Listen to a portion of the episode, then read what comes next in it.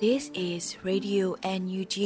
the voice of National Unity Government of Myanmar, broadcasting for Myanmar's Spring Revolution. Radio NUG is transmitting from shortwave 16 meter 17.79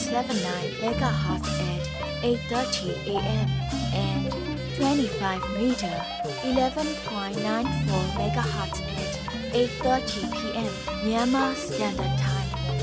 မင်္ဂလာပါရှင်။အမျိုးသားညီညွတ်ရေးအစိုးရရဲ့အတန်လွတ်ဌာန Radio NUG ကိုမန္တပိုင်း၈နိုင်ခွဲမှာလိုင်းတူ6မီတာ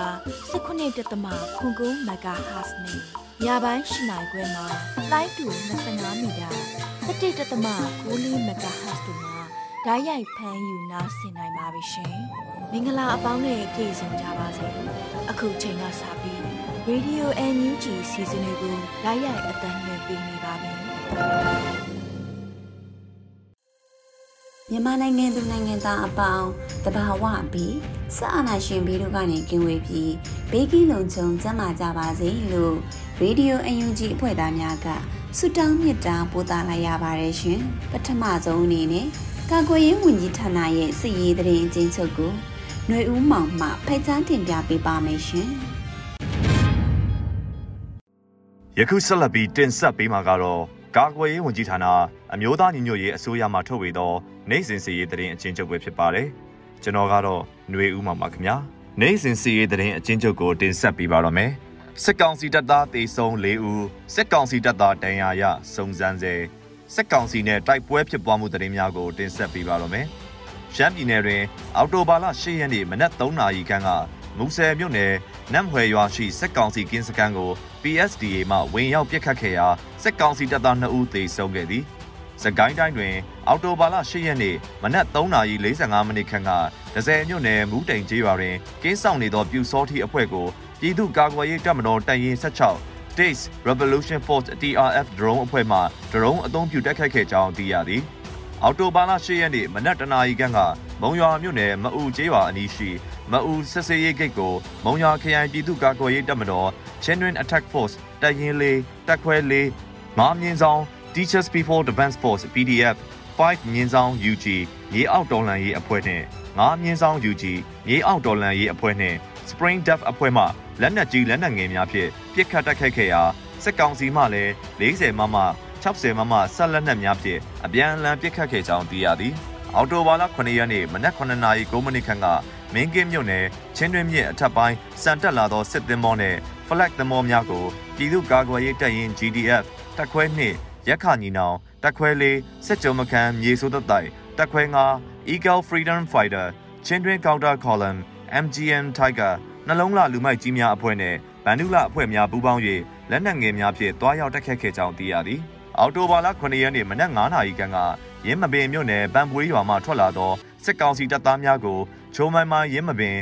ကဏီမဟာမိတ်တပ်ပေါင်းစုနှင့်ပူးပေါင်းတပ်ဖွဲ့များကပွိုင်း3ပွိုင်းခွဲ၍မိုင်းဆွဲတိုက်ခိုက်ခဲ့သည်ထို့နောက်မုံရွာအနောက်မြောက်တိုင်းစစ်ဌာနချုပ်နာမခမှစစ်ကူလာသောစစ်ကောင်စီရင်းနှစီးကိုထပ်မံမိုင်းဆွဲတိုက်ခိုက်ခဲ့ရာရင်းတစည်းမှာကြောက်ထဲကျ၍စစ်ကောင်စီတပ်သားအများအပြားထိခိုက်ဒေဆုံးခဲ့ကြောင်းသိရသည် မန္တလေးတိုင်းတွင် အောက်တိုဘာလ9ရက်နေ့ညနေ4:40ခန်းကကြောက်ပတောင်းမြို့နယ်လေးပင်ရွာရှိပြူစောတိခေါင်းဆောင်ဖြစ်သူအုပ်ချုပ်ရေးမှူးဝင်းဘိုအားပကန်အော်ဂါ Force အဖွဲ့မှတနက်ဖြစ်၃ချက်ပစ်ခတ်တိုက်ခိုက်ခဲ့ရာတေဆုံးခဲ့သည်အောက်တိုဘာလ9ရက်နေ့ည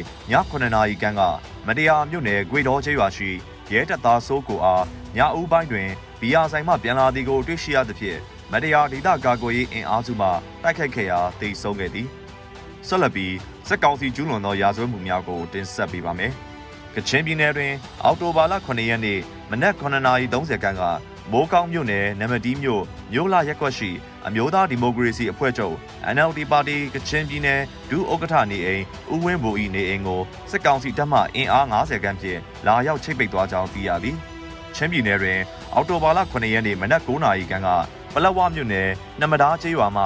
အလဲတန်းပြဆရာဦးမောင်ဝင်းတန်းကိုခ လာရ289တပ်ရင်းမှစစ်ကောင်စီတပ်သားများကဖမ်းဆီးခေါ်ဆောင်သွားကြောင်းသိရသည်။အော်တိုဘာလ9ရက်နေ့ညနေ9:30ခန်းကပလက်ဝမြို့နယ်မုံထောင်ကျောင်းထဲကျေးရွာတဲ့သို့စစ်ကောင်စီဘက်မှပစ်ခတ်သောလက်နက်ကြီးကြားရောက်ပောက်ကွဲသောကြောင့်အမျိုးသမီးတဦးထိခိုက်ဒဏ်ရာရခဲ့ကြောင်းသိရသည်ရခိုင်ပြည်နယ်တွင်အော်တိုဘာလ10ရက်နေ့ကမင်းပြားမြို့နယ်ဥက္ကာပြန်ရက်ကွက်အုပ်ချုပ်ရေးမှူးဦးအောင်ကျော်လှဦးကျော်ညွန့်ကိုမောင်ဆန်း ကိုနေမင်းနိုင်တို့ကိုစစ်ကောင်စီတပ်ကနေအိမ်တွင် လာရောက်ဖမ်းဆီးခေါ်ဆောင်သွားကြောင်းသိရသည်။စကိုင်းတိုင်းတွင် အော်တိုဘာလ10ရက်နေ့မနက်9:00နာရီခန့်ကမြောင်မြို့နယ်ညောင်ကားရကျေးရွာကိုစစ်ကောင်စီတပ်ဖွဲ့များကရေချောင်းမှတဆင့်ဝင်ရောက်ခဲ့သောကြောင့်ဒေသခံတထောင်ကျော်ထွက်ပြေးတိမ်းရှောင်နေရကြောင်းသိရသည်။အော်တိုဘာလ9ရက်နေ့ညနေ6:30ခန်းကဘူးတလင်မြို့နယ်ကျေးရုပ်အနီးတွင်ကျအုပ်သေးလာသောခွေးဘလူးရင်အမျိုးအစားကားတစ်စီးကို စစ်ကောင်စီတပ်ဖွဲ့ဝင်များမှပြစ်ခတ်ခဲ့သောကြောင့်ကျအုပ်ရောင်းချသည့်လုပ်ငန်းလုပ်ကိုင်သူအမျိုးသားတဦးနှင့်အမျိုးသမီးအကူတဦးထိမှန်ခဲ့ကြောင်းသိရသည်။မကွေးတိုင်းတွင်အော်တိုဘာလ9ရက်နေ့ကဂံကောမြို့နယ်စစ်ကောင်စီစစ်ဆေးရေးဂိတ်တွင်တာလင်းရွာမှလိုင်းကားတစ်စီးနှင့်အတူကားသမားကိုနန်းအောင်နဲ့ကိုမင်းထွန်းလာပုတ်ရွာမှသုံးမိန်းမောင်းသူကိုတန်ချောင်းစုစုပေါင်းပြည်သူ၃ဦးအားဖမ်းဆီးခဲ့သည် အောက်တိုဘာလ9ရက်နေ့ကတရက်ခရိုင်အတွင်းရှိမြို့နယ်များမှာဒေါ်လန်ရေးကာလအတွင်းအမှုရင်ဆိုင်နေရသောသူများအပေါ်တရက်ခရိုင်တရားသူကြီးဥပဒေအရာရှိဒေါ်ရင်ရင်မြင့်မှမတရားသောပုံမှန်များထပ်မံဖြည့်ဆွတ်ကာစစ်ကောင်စီ၏တရားစီရင်ရေးမှန်တိုင်အားချုပ်ကင်လျက်ရှိနေသည် မန္တလေးတိုင်းတွင်အော်တိုဘာလ9ရက်နေ့နေ့လယ်ပိုင်းကချိုင်အေးတာဆန်မြို့နယ်38လမ်းနဲ့88လမ်းအနီးရှမ်းဝိုင်းရက်ကွက်ထဲရှိစတိုးဆိုင်တစ်ဆိုင်ထဲသို့အရက်ဝတ်များနဲ့ဝင်ရောက်မွေးနောက်လူရက်မွေးညင်နေပြီးဒေသခံလူငယ်9ဦးထပ်မံကိုလည်းဖမ်းဆီးသွားကြောင်းသိရသည်။ရန်ကုန်တိုင်းတွင်အော်တိုဘာ10ရက်နေ့မနက်10:45မိနစ်ခန့်ကလိုင်တာယာမြို့နယ်30ဈေးအနီးရှိရွှေတက်လူလက်ဖက်ရည်ဆိုင်မှလူငယ်2ဦးကိုအရက်ဝတ်များဖြင့်စစ်ကောင်စီအဖွဲ့ဝင်များမှဖမ်းဆီးခဲ့သည်။ အော်တိုဘာလ9ရက်နေ့နေ့လယ်3:30ခန်းကကြောက်တရားမြို့နယ်အမှတ်၄ရပ်ကွက်ဗန်ဆိုရန်လမ်းမပေါ်ရှိရန်ကုန်တိုင်းတရားလွှတ်တော်ရုံးရှိချန်စီယုံတွင်လူငယ်2ဦးဗန်နာချိတ်ဆွဲတီကိုစစ်ကောင်စီအဖွဲ့ဝင်များမှလိုက်လံဖမ်းဆီးရာတွင်တအူးဖမ်းဆီးခံခဲ့ရသည်အော်တိုဘာလ9ရက်နေ့ကကော့မှုမြို့နယ်ဒညင်းစိတ်ကျေးရွာတွင်ကိုကျော်တက်နှင့်အမဖြစ်သူလင်မယားတို့ကို စစ်ကောင်စီအဖွဲ့ဝင်များမှကရင်စုကျေးရွာဓမာယုံတွင်ဖမ်းဆီးစစ်ကြောရာတွင်ကိုကျော်တက်ကိုဟော်လိုချောင်းပြရိုက်သဖြင့်ဦးကောင်းကွဲဒဏ်ရာဖြင့်တွန်သေးဘတ်သို့ခေါ်ဆောင်သွားခဲ့သည်။တနင်္လာရီတိုင်းတွင်အော်တိုဘာလ9ရက်နေ့နေ့လယ်2နာရီခန့်ကရေဖြူမြို့နယ်စင်းတေရွာတွင်ကိုဝင်ဆောင်အမျိုးသမီးတဦးအားစစ်ကောင်စီတပ်သားများမှဖမ်းဆီးခေါ်ဆောင်သွားခဲ့သည်။ယခုတင်ဆက်ပေးခဲ့တာကတော့ကာကွယ်ရေးဝန်ကြီးဌာနအမျိုးသားညီညွတ်ရေးအစိုးရမှထုတ်ဝေသောနိုင်စဉ်စီရေးတရင်အချင်းချုပ်ပဲဖြစ်ပါတယ်။ကျွန်တော်ကတော့ຫນွေဦးမှာပါခင်ဗျာ။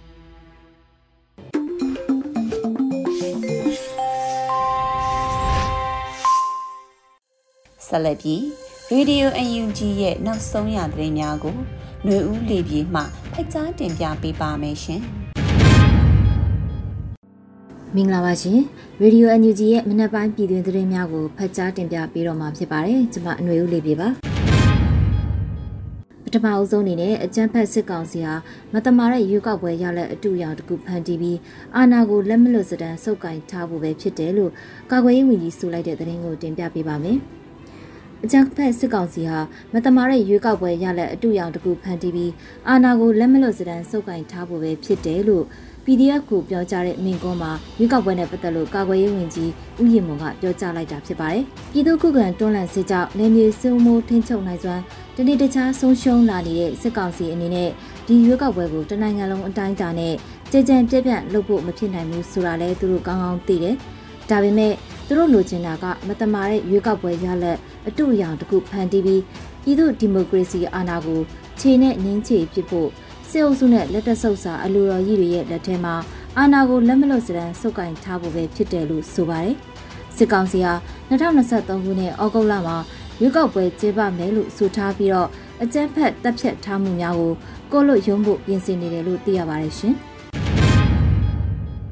အခုဆက်လက်ပြီးမြန်မာနိုင်ငံမှာအကြမ်းဖက်စစ်ကောင်စီကိုလေကြောင်းတိုက်ခိုက်မှုတွေဖြစ်လာအောင်ကူညီပေးတဲ့နိုင်ငံတွေမှာလည်းတာဝန်ရှိမယ်လို့ပြည်ထောင်စုဝန်ကြီးဒေါက်တာဆာဆာဆိုလိုက်တဲ့သတင်းကိုတင်ပြပေးပါမယ်။မြန်မာနိုင်ငံမှာအကြမ်းဖက်စစ်ကောင်စီကိုလေကြောင်းတိုက်ခိုက်မှုတွေဖြစ်လာအောင်ကူညီပေးတဲ့နိုင်ငံတွေမှာလည်းတာဝန်ရှိမယ်လို့ပြည်ထောင်စုဝန်ကြီးဒေါက်တာဆာဆာကဆိုလိုက်ပါတယ်။အော်တိုဘာ9ရက်အမျိုးသားညီညွတ်ရေးအစိုးရကကျင်းပတဲ့ပြည်သူ့ခုခံတော်လှန်စစ်တနှစ်ပြည့်သုံးသက်ချက်နဲ့ရှေ့လုပ်ငန်းစဉ်တွေကို ပြည်သူတွေကိုအစီအခံတင်ပြတဲ့သတင်းစာရှင်းလင်းပွဲအခမ်းအနားမှာပြည်ထောင်စုဝန်ကြီးကဆိုလိုက်တာပါ။တနိုင်ငံနဲ့တနိုင်ငံကြားစစ်ဖြစ်တဲ့နေရာမှာပဲအသုံးပြုရတဲ့လေကြောင်းတွေကိုကိုပြည်သူလူထုကိုအသုံးပြုပြီးတော့တပ်ဖြတ်တယ်ဆိုကြတဲ့ကသူတို့စစ်ကောင်စီသားမကဘဲနဲ့ဒီအကြမ်းဖက်စစ်ကောင်စီကိုလေကြောင်းတိုက်ခိုက်မှုတွေရှိလာအောင်ဖြစ်လာအောင်ကူညီပေးနေတဲ့နိုင်ငံတွေမှာလည်းတာဝန်ရှိပါတယ်လို့ဆိုထားပါတယ်။ဒဒါပြင်အကြမ်းဖက်စစ်အုပ်စုကိုနိုင်ငံတကာရာဇဝတ်ခုံရုံးတွေကိုတင်နိုင်မှာကကူညီထောက်ပံ့ပေးခဲ့တဲ့နိုင်ငံတွေပါ တာဝန်ယူတာဝန်ခံရမယ်လို့ပြည်ထောင်စုဝန်ကြီးဒေါက်တာဆာဆာကထပ်လောင်းဆိုထားတာဖြစ်ပါတယ်ရှင်။ပြည်ထောင်စုလွှတ်တော်ကိုစားပြုကော်မတီရဲ့ပုံမှန်လုပ်ငန်းညှိနှိုင်းအစည်းအဝေးမှာမြို့သားညီညွတ်ရေးအစိုးရလူသားချင်းစာနာထောက်ထားရေးနဲ့ဘေးအန္တရာယ်ဆိုင်ရာစီမံခန့်ခွဲရေးဝန်ကြီးဌာနရဲ့ဆောင်ရွက်ချက်များအတွက်လာရောက်တင်ပြဆွေးနွေးတဲ့သတင်းကိုတင်ပြပေးပါမယ်။ ပြည်ထောင်စုလွှတ်တော်ကိုစားပြုကော်မတီဟာအမျိုးသားညီညွတ်ရေးအစိုးရလူသားချင်းစာနာထောက်ထားရေးနဲ့ဘေးအန္တရာယ်ဆိုင်ရာစီမံခန့်ခွဲရေးဝန်ကြီးဌာနရဲ့လက်ရှိလုပ်ငန်းတွေဆောင်ရွက်ထားရှိမှုအခြေအနေတွေဆွေးနွေးမေးမြန်းနိုင်ရန်ဝန်ကြီးဌာနအားဖိတ်ကြားပြီး2022ခုနှစ်အောက်တိုဘာ9ရက်နေ့မှာဗီဒီယိုကွန်ဖရင့်ကတဆင့်တွေ့ဆုံခဲ့ကြပါတယ်။ပထမဦးစွာပြည်ထောင်စုလွှတ်တော်ကိုစားပြုကော်မတီဥက္ကဋ္ဌဦးအောင်ကြည်ညွန့်ကအဖွဲ့မှစကားပြောကြားပြီးတဲ့နောက်လူသားချင်းစာနာထောက်ထားရေးနဲ့ ဘေးအန္တရာယ်ဆိုင်ရာစီမံခန့်ခွဲရေးဝန်ကြီးဌာနပြည်ထောင်စုဝန်ကြီးဒေါက်တာဝင်းမြတ်အေးကဝန်ကြီးဌာနရဲ့လက်ရှိဆောင်ရွက်ချက်များအဖြစ်လူသားချင်းစာနာထောက်ထားမှုဆိုင်ရာထောက်ပံ့အကူအညီပေးမှုများအတွက်ဒေသအလိုက်နဲ့ကဏ္ဍလိုက်ခွဲခြားတင်ပြပြီးတော့ဘေးအန္တရာယ်ဆိုင်ရာအသိပညာပေးရေးကိစ္စတွေကိုထုတ်ပြန်နိုင်မှုအခြေအနေနဲ့လူသားချင်းစာနာကူညီမှုဆိုင်ရာလိုအပ်ချက်ဆန်းစစ်ခြင်းနီးပြတင်နန်းများစင်ပွားတင်နန်းများဖွင့်လှစ်ထားရှိနိုင်မှုတို့ကိုအခြေတဝင့်ရှင်းလင်းတင်ပြခဲ့ပါတယ်။ အိမ်နောက်နိုင်ငံတကာနဲ့ပူးပေါင်းဆောင်ရွက်မှုအခြေအနေတွေကိုတင်ပြရမှာကုလသမဂ္ဂအပါအဝင်အာဆီယံနိုင်ငံများပြည်ရင်းပြည်ပဖွံ့ဖြိုးရေးမိတ်ဖက်အဖွဲ့အစည်းများအရက်ဖက်လူမှုအဖွဲ့အစည်းများနဲ့ချိတ်ဆက်ပြီးဆောင်ရွက်ထားရှိမှုအခြေအနေတွေကိုဆွေးနွေးပြောကြားပြီးဝန်ကြီးဌာနရဲ့ဆောင်ရွက်ထားရှိမှုအခြေအနေတွေကိုဆွေးနွေးပြောကြားရမှာဝန်ကြီးဌာနရဲ့ရှင်းလင်းတင်ပြချက်များပေါ်တက်ရောက်လာကြတဲ့လွှတ်တော်ကိုယ်စားလှယ်များကသက်ဆိုင်ရာကဏ္ဍလိုက်ပါဝင်ကူညီဆောင်ရွက်နိုင်မဲ့လုပ်ငန်းစဉ်တွေကိုဆွေးနွေးမြင်မြန်ခဲ့ကြပါတယ်။အဲဒီနောက် ပုံမှန်လုပ်ငန်းညှိနှိုင်းအစည်းအဝေးကိုဆက်လက်ကျင်းပရမှာရေးရကော်မတီတွေအနေနဲ့လုပ်ငန်းဆောင်ရွက်ထားရှိမှုအခြေအနေတွေကိုတင်ပြအစီရင်ခံပြီးရှေ့ဆက်အကောင့်ထဲပေါ်ဆောင်ရွက်ရမယ့်လုပ်ငန်းတွေကိုလည်းညှိနှိုင်းဆွေးနွေးခဲ့ကြပါတယ်။အစည်းအဝေးကိုပြည်ထောင်စုလွှတ်တော်ကိုစားပြုကော်မတီဥက္ကဋ္ဌအကျွေးမှုများနဲ့အဖွဲ့ဝင်များလူသားချင်းစာနာထောက်ထားရေးနဲ့ဘေးရန်နယ်ဆိုင်ရာစီမံခန့်ခွဲရေးဝန်ကြီးဌာနပြည်ထောင်စုဝန်ကြီးဒေါက်တာဝင်းမြတ်အေးရေးရကော်မတီများမှအတွေ့အမှုများနဲ့ရုံးဖွဲ့များတက်ရောက်ခဲ့ကြပါတယ်ရှင်။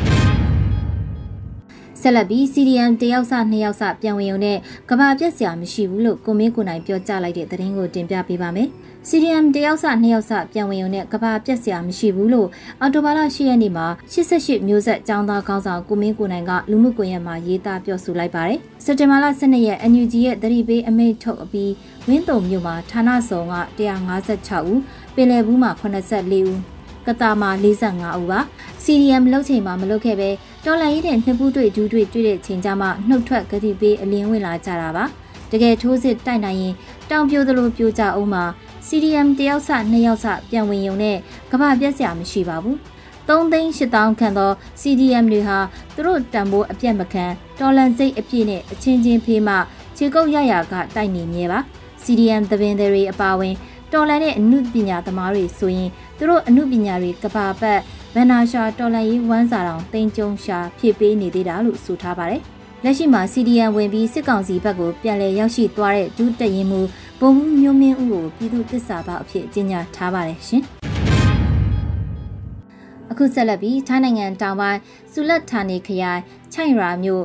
ဖွန်ဖက်တစ်ဆက်ယုံမှအလုတ်သမားတွေကိုအလုတ်ထုတ်နင်းနာကြီးအကျိုးခံစားခွင့်နင်းနာကြီးငွေဘတ်12သိန်းကျော်ရရှိအောင်ကူညီဆောင်ရွက်ပေးနိုင်ခဲ့တဲ့သတင်းကိုတင်ပြပေးပါမယ်။တိုင်းနိုင်ငံတောင်ပိုင်းဆူလက်ဌာနီခရိုင်ချိုင်ရာမြို့ဖွန်ဖက်တစ်ဆက်ယုံမှအလုတ်သမားတွေကိုအလုတ်ထုတ်နင်းနာကြီးအကျိုးခံစားခွင့်နင်းနာကြီးငွေဘတ်12သိန်းကျော်ရရှိအောင်ကူညီဆောင်ရွက်ပေးနိုင်ခဲ့တယ်လို့အလုတ်သမားဝန်ကြီးဌာနကဆိုလိုက်ပါတယ်။တိုင်းနိုင်ငံတောင်ပိုင်းဆူလက်ဌာနီခရိုင်ချိုင်ရာမြို့ဖွန်ဘတ်တစ်ဆက်ယုံမှာ အလုတ်ရှင်အစ်စ်ပြောင်းလို့အလုတ်သမား130ဦးကိုစက်တင်ဘာလ29ရက်နေ့ကစပြီးအလုတ်ထုတ်ပြီးနင့်နာကြီးခွေများများရှိကြောင်းတိုင်ကြားလာတဲ့အတွက်အမျိုးသားညီညွတ်ရေးအစိုးရအလုတ်သမားဝန်ကြီးဌာနရဲ့တာဝန်ပေးရမှုအရကိုရဲမင်းတာဝန်ခံဦးဆောင်တဲ့ AAC အမာမိတ်အဖွဲ့ကအောက်တိုဘာ6ရက်နေ့မှာဆူလက်ဌာနီခရိုင်အလုတ်သမားကာကွယ်ဆောင်ရှောက်ရေးဌာနဆဝါဒီခန်နဲ့ချိတ်ဆက်ပြီးတွားရောက်ကူညီခဲ့တယ်လို့သိရပါတယ်။အလုတ်ရှင်အလုတ်သမားတွေညှိနှိုင်းပြီး အလုသမားကာကွယ်စောင့်ရှောက်ရေးဌာနစာဝါဒီကန်အရှိမောက်မှာနှစ်ဖက်သဘောတူစာချုပ်ချုပ်ဆိုပြီးဖြည့်ရှင်းဆောင်ရွက်နိုင်ခဲ့ပါတယ်။လုံသက်6မြင့်နဲ့အထက်ရှိတဲ့အလုသမား20ဦးအား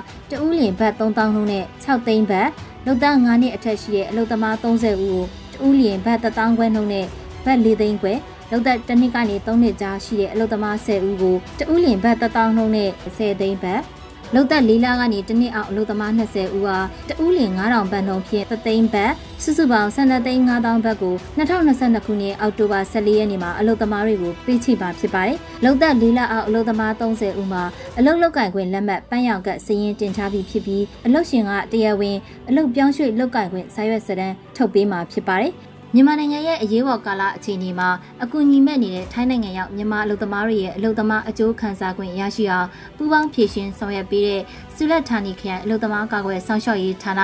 စဝရီခန်နဲ့ဝင်းကြီးဌာနရဲ့တာဝန်ပေးအပ်မှုအရညှိနှိုင်းဖြည့်ရှင်ပေးတဲ့ကိုရဲမင်းတာဝန်ခံဦးဆောင်တဲ့ AAC မဟာမိတ်အဖွဲ့ကိုအမျိုးသားညီညွတ်ရေးအစိုးရအလုပ်သမားဝန်ကြီးဌာနမှမှတ်တမ်းတင်ဂုဏ်ပြုအပ်ပါတယ်လို့ဆိုထားပါတယ်ရှင်။ အခုတင်ပြပေးခဲ့တဲ့သတင်းတွေကိုတော့ Radio NUG သတင်းတော့မင်းမင်းကပြပို့ထားတာဖြစ်ပါတယ်ရှင်။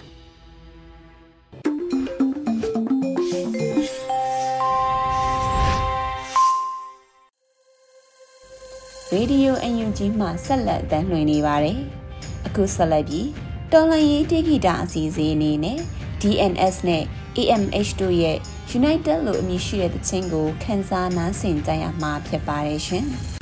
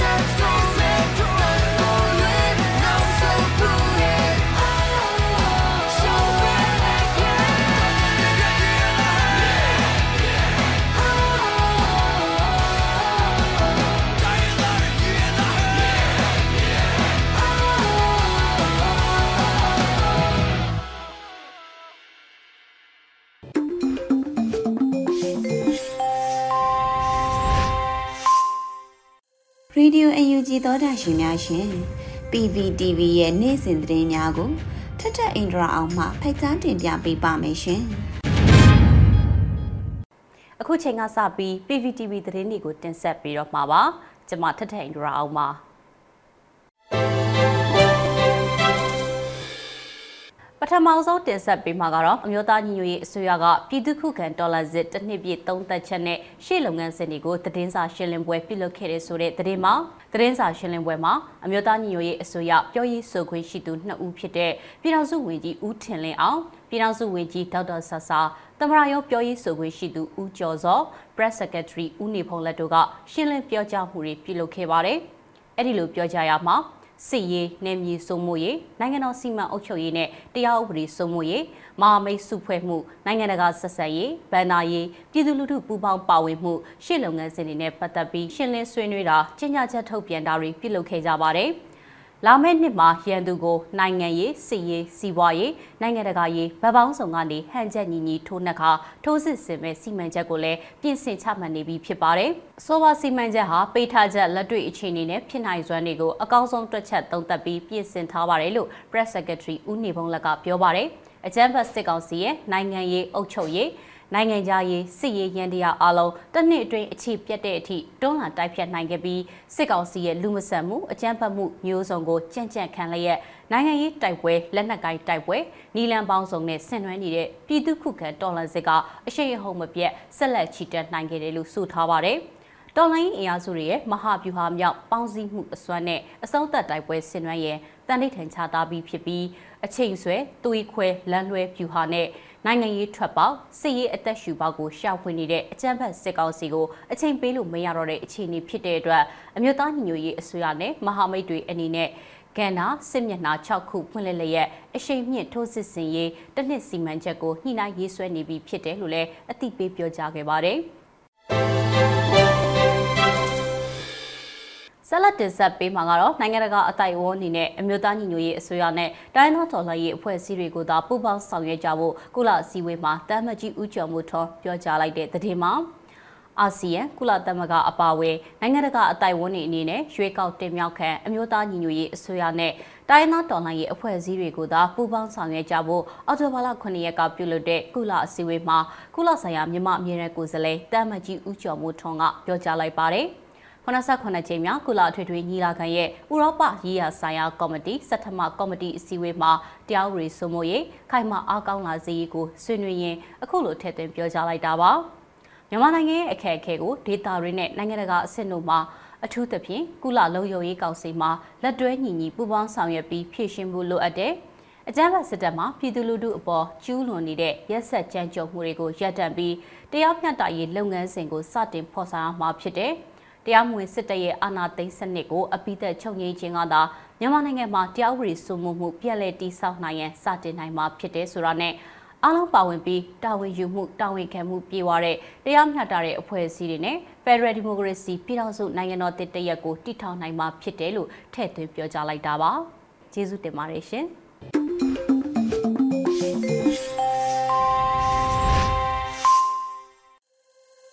အခုဆက်လက်ပြီး တိုင်းသားဘာသာစကားအစီအစဉ်အနေနဲ့ချိုးချင်းဘာသာစကားခွဲတစ်ခုဖြစ်တဲ့မွန်းဘာသာစကားဖြင့်သတင်းထုတ်လွှင့်မှုအစီအစဉ်ကိုတင်ဆက်ပေးမှာဖြစ်ပါတယ်။ဒီအစီအစဉ်ကို Radio UNG နဲ့ချိုးချင်းဘာသာစကားထုတ်လွှင့်မှုအစီအစဉ်အဖွဲ့တို့ပူးပေါင်းထုတ်လွှင့်တာဖြစ်ပါတယ်ရှင်။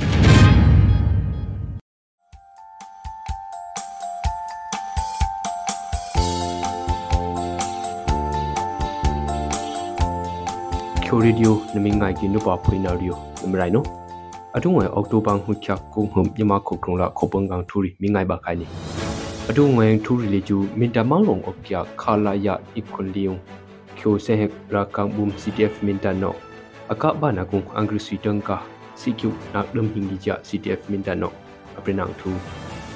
ချီတယာတောင်ပိုင်းချင်းမြို့သားညီညွတ်ရေးကော်မတီအန်ဘုံနော CTF မင်တတဖွာအန်လုံစွန်ဘာနာ ငွေရီ CTF မင်တတန်ကနောအဒုနာအုံကီချာထုဖိမင်ငါခိုင်နီဩစတြေးလျကူထတော်အမလာမီဇိုရမ်ကူအောင်ဘိုင်ရီတုံကနာကဖွာအုံခိုနောင်းနဲ့လောင်းလောက်ပြမြန်မာကုတ်ချောင်းဒီဖွာအမင်းရေနာအုံကီချောင်းထုဖိမင်ငါခိုင်နီမြို့သားညွေရေးဆိုရ NUG နော် khan yong ka na pri mi shom nak kila angri sui kaunsi chu mamong ri ak de mam khrane tuk nak pi om kha jia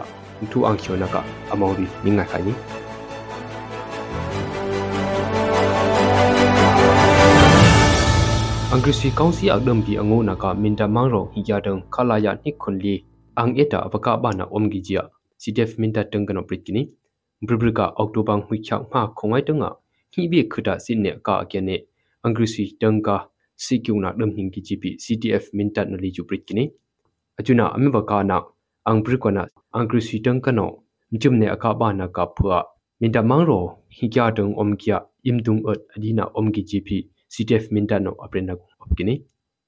CDF minta se he ko ra kam bum phua chia bunane ko hi ro kia dong ban chi myu ta nyi ye committee no awan dang don ngui tam ko phyak khru ka ta dum da ba gi ju adush kum auto bang hui kha arui khong hu bon ang long sun lo tu ba na om si CDF minta tung kano anado na om gi ja dong ban chi myu ta nyi ye committee a auto bang hui kha khru hum aprena gung huna op kini adu be ame pe na le ju lokhaya khusi khong CDF minta no angrisui rana ne tukna gung thlugia khori ami khle na bai kya ki gp ngamya prin na gung leju amru na opkini australia kho hlatoma dings milla mizoram kho ukya ang bai leju bribrika octobam hui kya phang hum khumodanga aming huna omgi ja mizoram news no rukini ajuna aming huna gung leju mizoram kho omgia om kho naw ne donglok kya myama kho khyang ria phwa aktung bijia ajuna mizoram news no leju rukini adubai mizoram kho akrunga australia kho hloto mat alo nak leju myama kho tung kano mizoram kho donglok kya khok chang ri pho aktung bi kya ki gp achunung leju rukri ni india kho la australia kho leju lokhaya khin riung khong hi ningla khong sheng na adam bi vai la khyo kho tung kano donglok kya om kho no khok chang ri pho achuna ming re na kung leju aktung bia ami prin na om gi jia mizoram news na leju rukni อังกฤษกองซีโนคุกขังริขณะขันยงริยนอากาศนาลีจูอทอมซีบุยอตาเกสีขันยงริกานาฟยาเซเหลีจูอัมชาอมกิจียมิวตาเยโซยาเอ็นยูจีโนอตุบังพุขยาคริงหุคุมดงะทูเปรนนากุงลีจูอเปรนนาอกินีမြန်မာခိုယုံအင်္ဂရိစီကောင်စီရာနနဲ့တုကီယာခိုအမ်ရှာယုံလေကျူခန်ယုံရီကာနာကဆင် အုံစီအင်္ဂရိစီကောင်စီတန်ကနောခန်ယုံရီအချွနာမွန်ယုံအတုလောဘာကျကုံလေကျူ kam nek khyau na om ka gp NUG ang wai tong kano achinung le chu prit kini amyo ta nyu yi su ya NUG ya shang pu boy presa na ang wai u cho so tong kana chum phi se he ko ra kap ang bum ri la PDF ang bum ri tong kano atung a kung pang ne angri sui kong si dun ne tuk na le chu om lok khai gp ani na le chu prit kini amyo ta nyu yi su ya NUG tong kan le chu angri sui kong si ya khan yong ri tuk na he khoi hin ka phum phat chang ri ya bi lo na lak bi o ma mu ya early warning system ju NUG tung kano abi na phi om gi ja myama nong thuna li ju rukni adubwe angrisi kaunsi no khu khyang ri adu ding na ka khana se he kot tu ba ne tung na khugum ot abe long kano tun ne angrisi kaunsi tunga mana ne tuk tu ba na li ju se he kon ne ana tuk bu kya khu khyang ri la PDF ang bum rion mamok thru ka bwe ne tun ne tuk tu ba na om kha ji pi အမျိုးသားညီညွတ်ရေးအစိုးရ NUG နော်အပရင်နာအော့ကီဂျာနင်းငမ်တင်ဒူရီနဲ့အဒုငွေထုမင်းငါလီကျုအရှင်ဘန်ကျခါနီမြမခုကလုံးလချိုခုံနေမော့ကျချိုစာချောင်းနီမန်အယတီစီနာအန်အိုင်နာရီအယိုမိုင်နေနင်ဘုံခွတ်နမကျင်းနောဆိုကြရှင်ကနော့ပရင်ထူနီနုပါဖိနာဘန်ရိုင်လမ်ဘော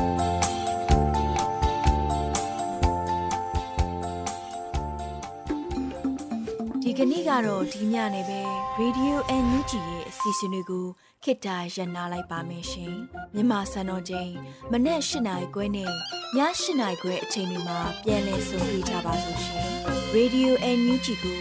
မနေ့ပိုင်း၈နိုင်ခွဲမှာလိုင်းတူ16မီတာ19.7 MHz နဲ့ညပိုင်း၈နိုင်ခွဲမှာလိုင်းတူ25မီတာ17.6 MHz တို့မှာဓာတ်ရိုက်ဖမ်းယူနားဆင်နိုင်ပါပြီရှင် မြန်မာနိုင်ငံသူနိုင်ငံသားများကိုစိတ်နှဖျားစမ်းမချမ်းသာလို့ဘေးကင်းလုံခြုံကြပါစေလို့ Radio NUG အဖွဲ့သူအဖွဲ့သားများကဆုတောင်းလိုက်ရပါတယ်။ San Francisco Bay Area အခြေဆိုင်မြန်မာမိသားစုများနိုင်ငံတကာကစေတနာရှင်များလို့အားပေးကြရဲ့ Radio NUG ဖြစ်ပါတယ်ရှင်။အရေးတော်ပုံအောင်ရမည်